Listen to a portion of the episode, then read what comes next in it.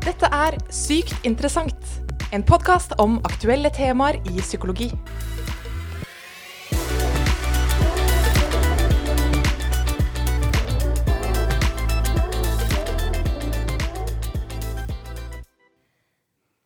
Vi vet at mange av tankene våre er raske og ubevisste, og at disse ofte gir oss et riktig og godt svar.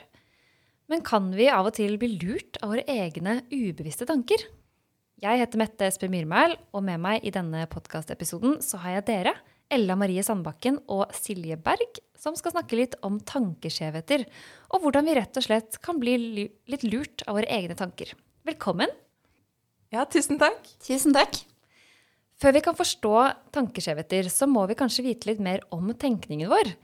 Og hva er egentlig ubevisste tankeprosesser, eh, Ella?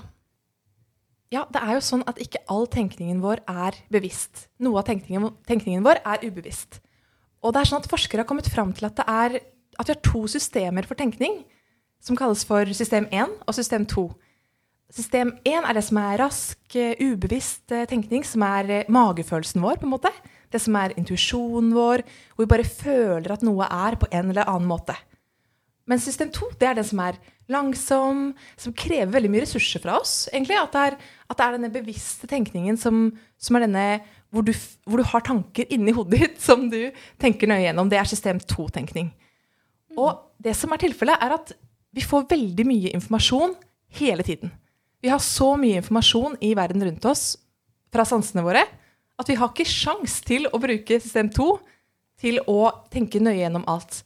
Og Derfor er vi helt avhengig av system 1, som tar seg av disse raske prosessene som krever veldig lite kognitive ressurser, altså tankemessige ressurser. Mm. Og det som er, er tilfellet da, er at disse tankemessige, denne system 1, som da er rask ikke sant, og, og hjelper oss å komme oss gjennom livet, det kalles eh, for heuristikker i psykologien. Så heuristikker er sånne mentale snarveier som gjør at vi klarer å ta disse raske vurderingene uten å bruke altfor mye tid. Fordi hvis vi skulle tatt inn alt, så ville vi blitt helt handlingslammet. Det, er ikke mulig for mennesker å virkelig tenke gjennom alt som skjer. Ok, heuristikker, ja. Og det er dette som har på en måte med disse tankeskjevhetene å, å gjøre? Ja, ja. Det er det. Både og. Altså, stort sett er det sånn at vi kan stole på heuristikkene våre de, de mentale snarveiene våre, de, de, kan vi som oftest stole på. Og det er derfor vi har dem. Fordi de gir oss raskt svar som er, ofte er godt nok. Men så er det sånn at heuristikkene noen ganger gjør at vi ikke gjør vurderinger som er helt riktige. Så de er, på en måte, de er opptatt av å gi oss et godt nok svar, men noen ganger så slår det rett og slett feil. Og det er da vi får sånne tankeskjevheter, som er det vi skal snakke om i dag. Ja, ok, Men betyr det på en måte at tenkningen vår kanskje ikke fungerer så bra, da, eh, på noen områder? Eh, ikke helt, faktisk. Det er jo egentlig det som gjør at vi i det hele tatt kan tenke som vi gjør. Så på en måte så er det tvert imot. At jo, det er det som gjør at tenkningen vår fungerer så bra som den gjør. Men så gir den ikke alltid riktig svar. Så jeg vil heller si det gjør at tenkningen vår ikke er perfekt. Og at vi må være litt klar over at noen ganger så blir vi lurt. Ja. ja for det er jo det vi vil snakke om eh, i dag, da. Det er jo om hvordan vi rett og slett kan bli lurt av våre egne tanker. Mm. Så eh, hvordan kan det skje i praksis? Det kan være på flere måter.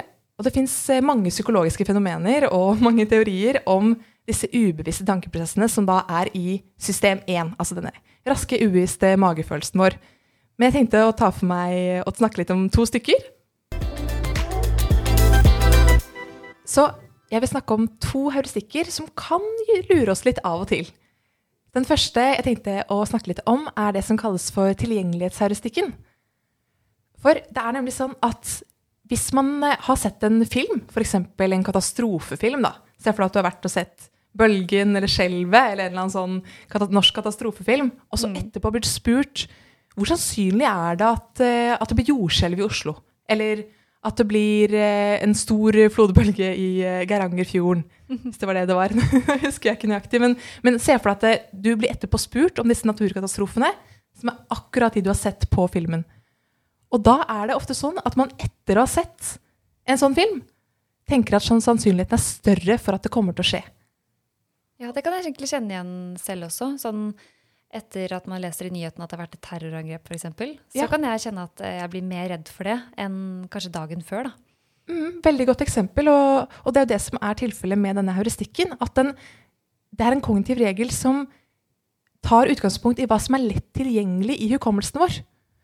Den, så den prøver å si til oss at ja, hvis dette er noe som er lett for meg å huske, fordi jeg akkurat har sett mye av dette i media, f.eks., så betyr det sikkert at det er mye mer sannsynlig. Men det er jo ikke alltid det er sant. F.eks. Eh, flystyrt og bil bilkrasj. Det er kanskje det mest klassiske eksempelet her. Hva, hva, tror du er mest sannsynlig å dø av? Um, jeg tenker jo at det er bilkrasj. Ja, ikke sant? Så de fleste mennesker sier flystyrt, faktisk. I, eller i noen studier hvor det har vært, det har vært mye flykrasj i media, så ser man at flere tror at det er mye mer sannsynlig å dø av flystyrt. Men tilfellet er at det er veldig mye farligere å kjøre bil enn å fly med fly. Det er kanskje fordi at jeg litt fly, hadde litt flyskrekk før, så jeg lærte meg det at uh, jeg vet ikke hvorfor det hjalp, da, men altså, å kjøre bil er mer farlig.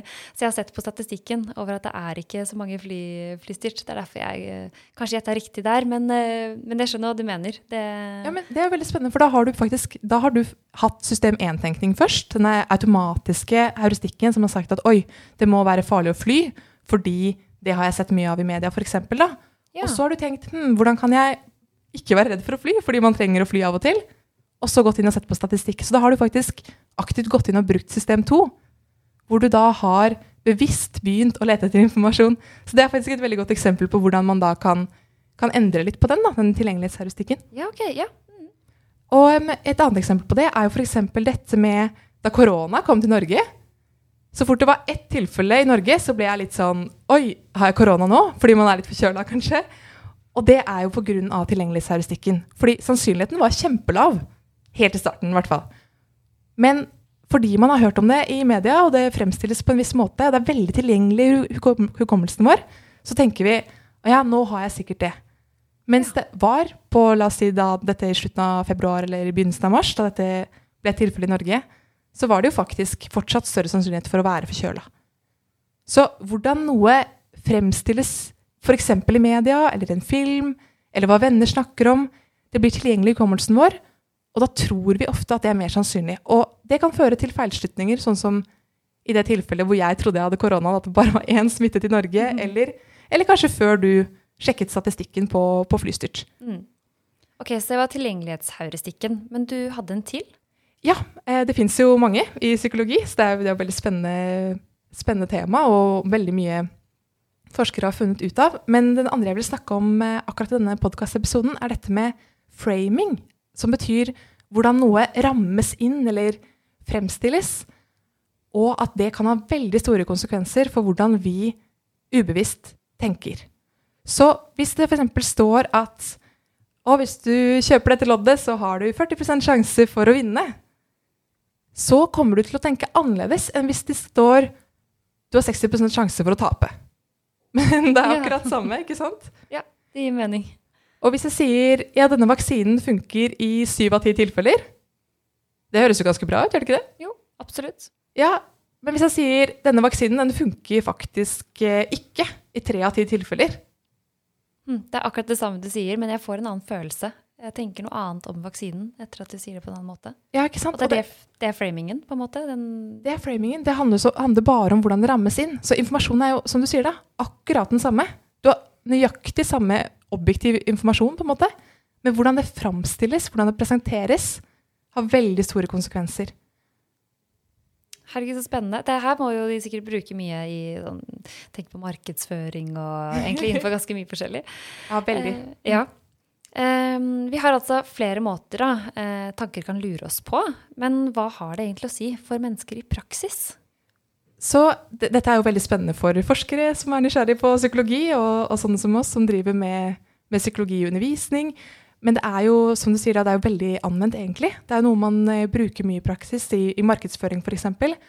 Men sånn som, la oss si, under en situasjon som koronasituasjonen, så vil det ha veldig mye å si hvordan noe fremstilles, f.eks. da. Så hvordan vi formidler risiko, viktig helseinformasjon, hvordan smittevernsregler frames, og hva som er tilgjengelig i media, hvor mye noe fremstilles, det er bare noen eksempler på ok, hvordan vi formidler noe. Det har veldig mye å si for de ubevisste slutningene folk tar, f.eks. av hvor farlig noe er, hvor sannsynlig noe er, osv. Så, videre. Så det kan hjelpe oss når vi da skal formidle veldig viktig informasjon til folk. F.eks. hvis myndighetene skal gjøre det. Og som du sier da, selvfølgelig i markedsføring er det jo veldig mye brukt. Men der er det jo kanskje mer sånn noe man kan vite om for å prøve å motstå det litt.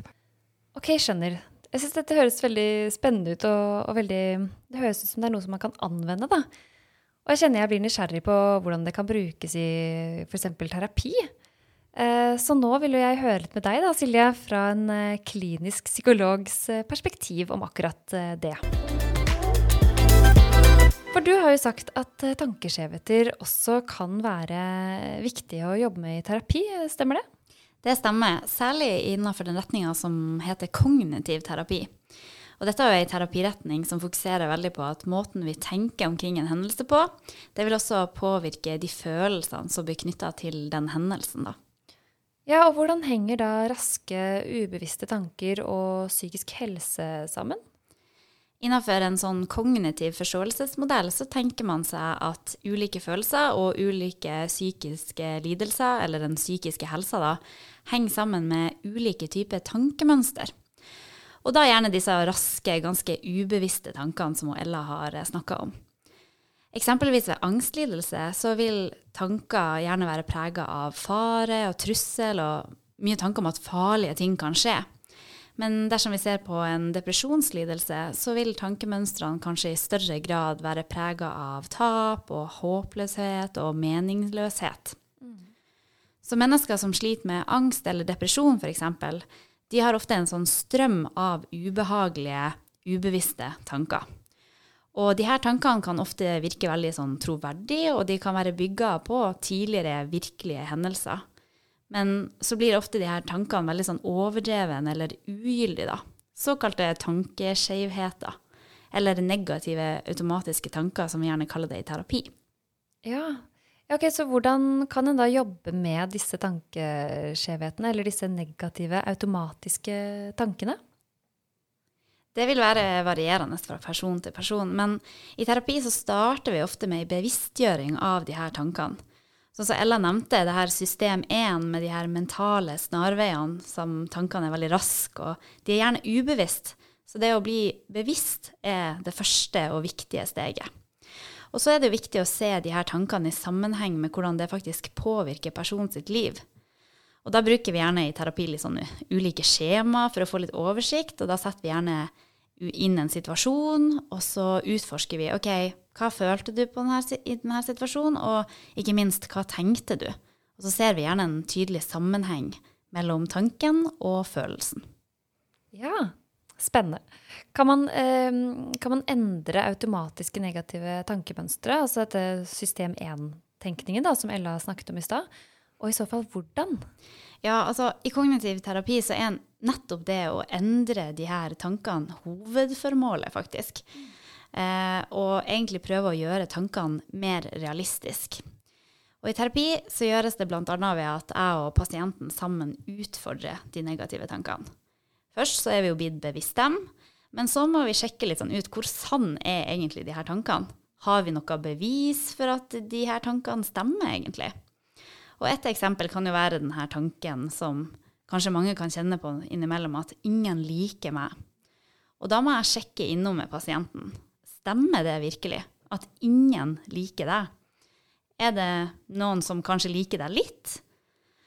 Og også høre med pasienten om den noen gang har opplevd noe som helst som kan tyde på at noen kanskje syns at pasienten er ålreit.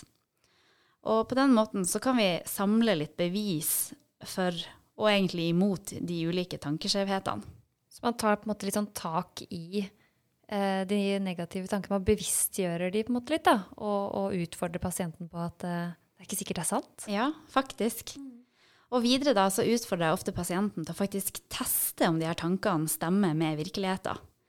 F.eks. Um, en tanke om at uh, dersom jeg danser på byen, så kommer folk til å begynne å peke på meg og le, og kanskje de vil gå.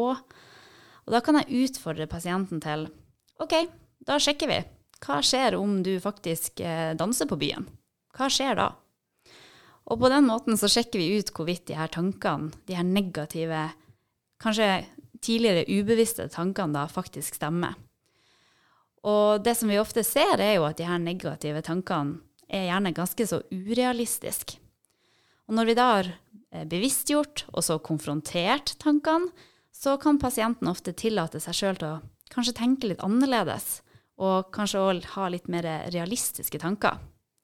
Og en sånn endring vil igjen kunne skape en endring i pasientens opplevelse av ulike situasjoner, og også få litt andre følelser relatert til situasjonene.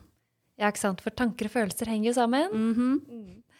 Ok, så for å oppsummere. Tenkningen vår er i stor grad ubevisst og automatisk. Eh, for det meste er automatiske, ubevisste tanker noe positivt.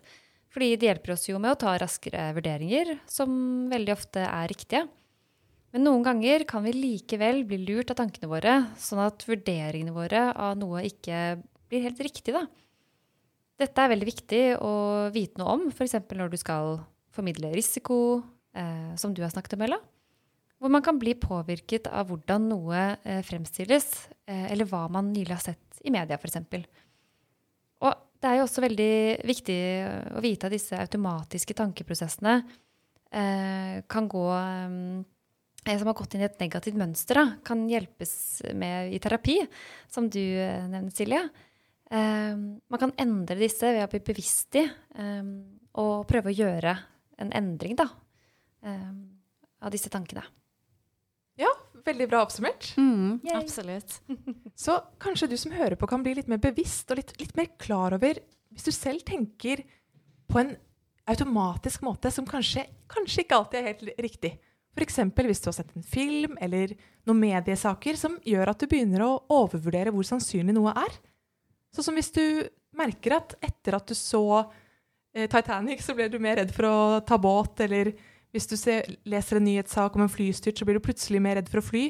Og da kan du stoppe og tenke igjen og, og gjøre sånn som Mette, egentlig. Sjekke statistikken.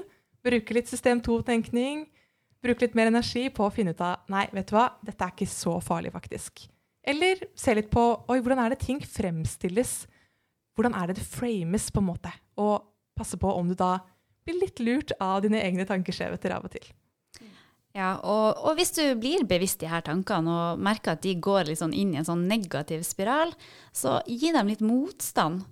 Kanskje du kan prøve å finne sånn tre argumenter for at denne negative tanken ikke nødvendigvis stemmer 100% så ikke gi de her ubevisste tankene som vi kanskje etter hvert blir litt bevisst, full troverdighet. Det er fint at vi skal tenke effektivt og alt det der, men til tider så er det effektive tankesystemet vårt eh, kanskje litt vel negativt og litt vel urealistisk. Og det vil også påvirke hvordan du føler deg. Så pass på deg sjøl og rydd opp i dine egne tanker innimellom. Kloke ord, altså. Tusen takk til dere, Ella Marie Sandbakken og Silje Berg, for at dere ville komme og snakke om automatiske tanker, og hvordan tankene våre kan lure oss litt av og til. Jeg heter Mette Espe Myrmæl og vil bare takke for at du lyttet til denne episoden. Du har nettopp hørt en episode av Sykt interessant, en podkast om aktuelle temaer i psykologi.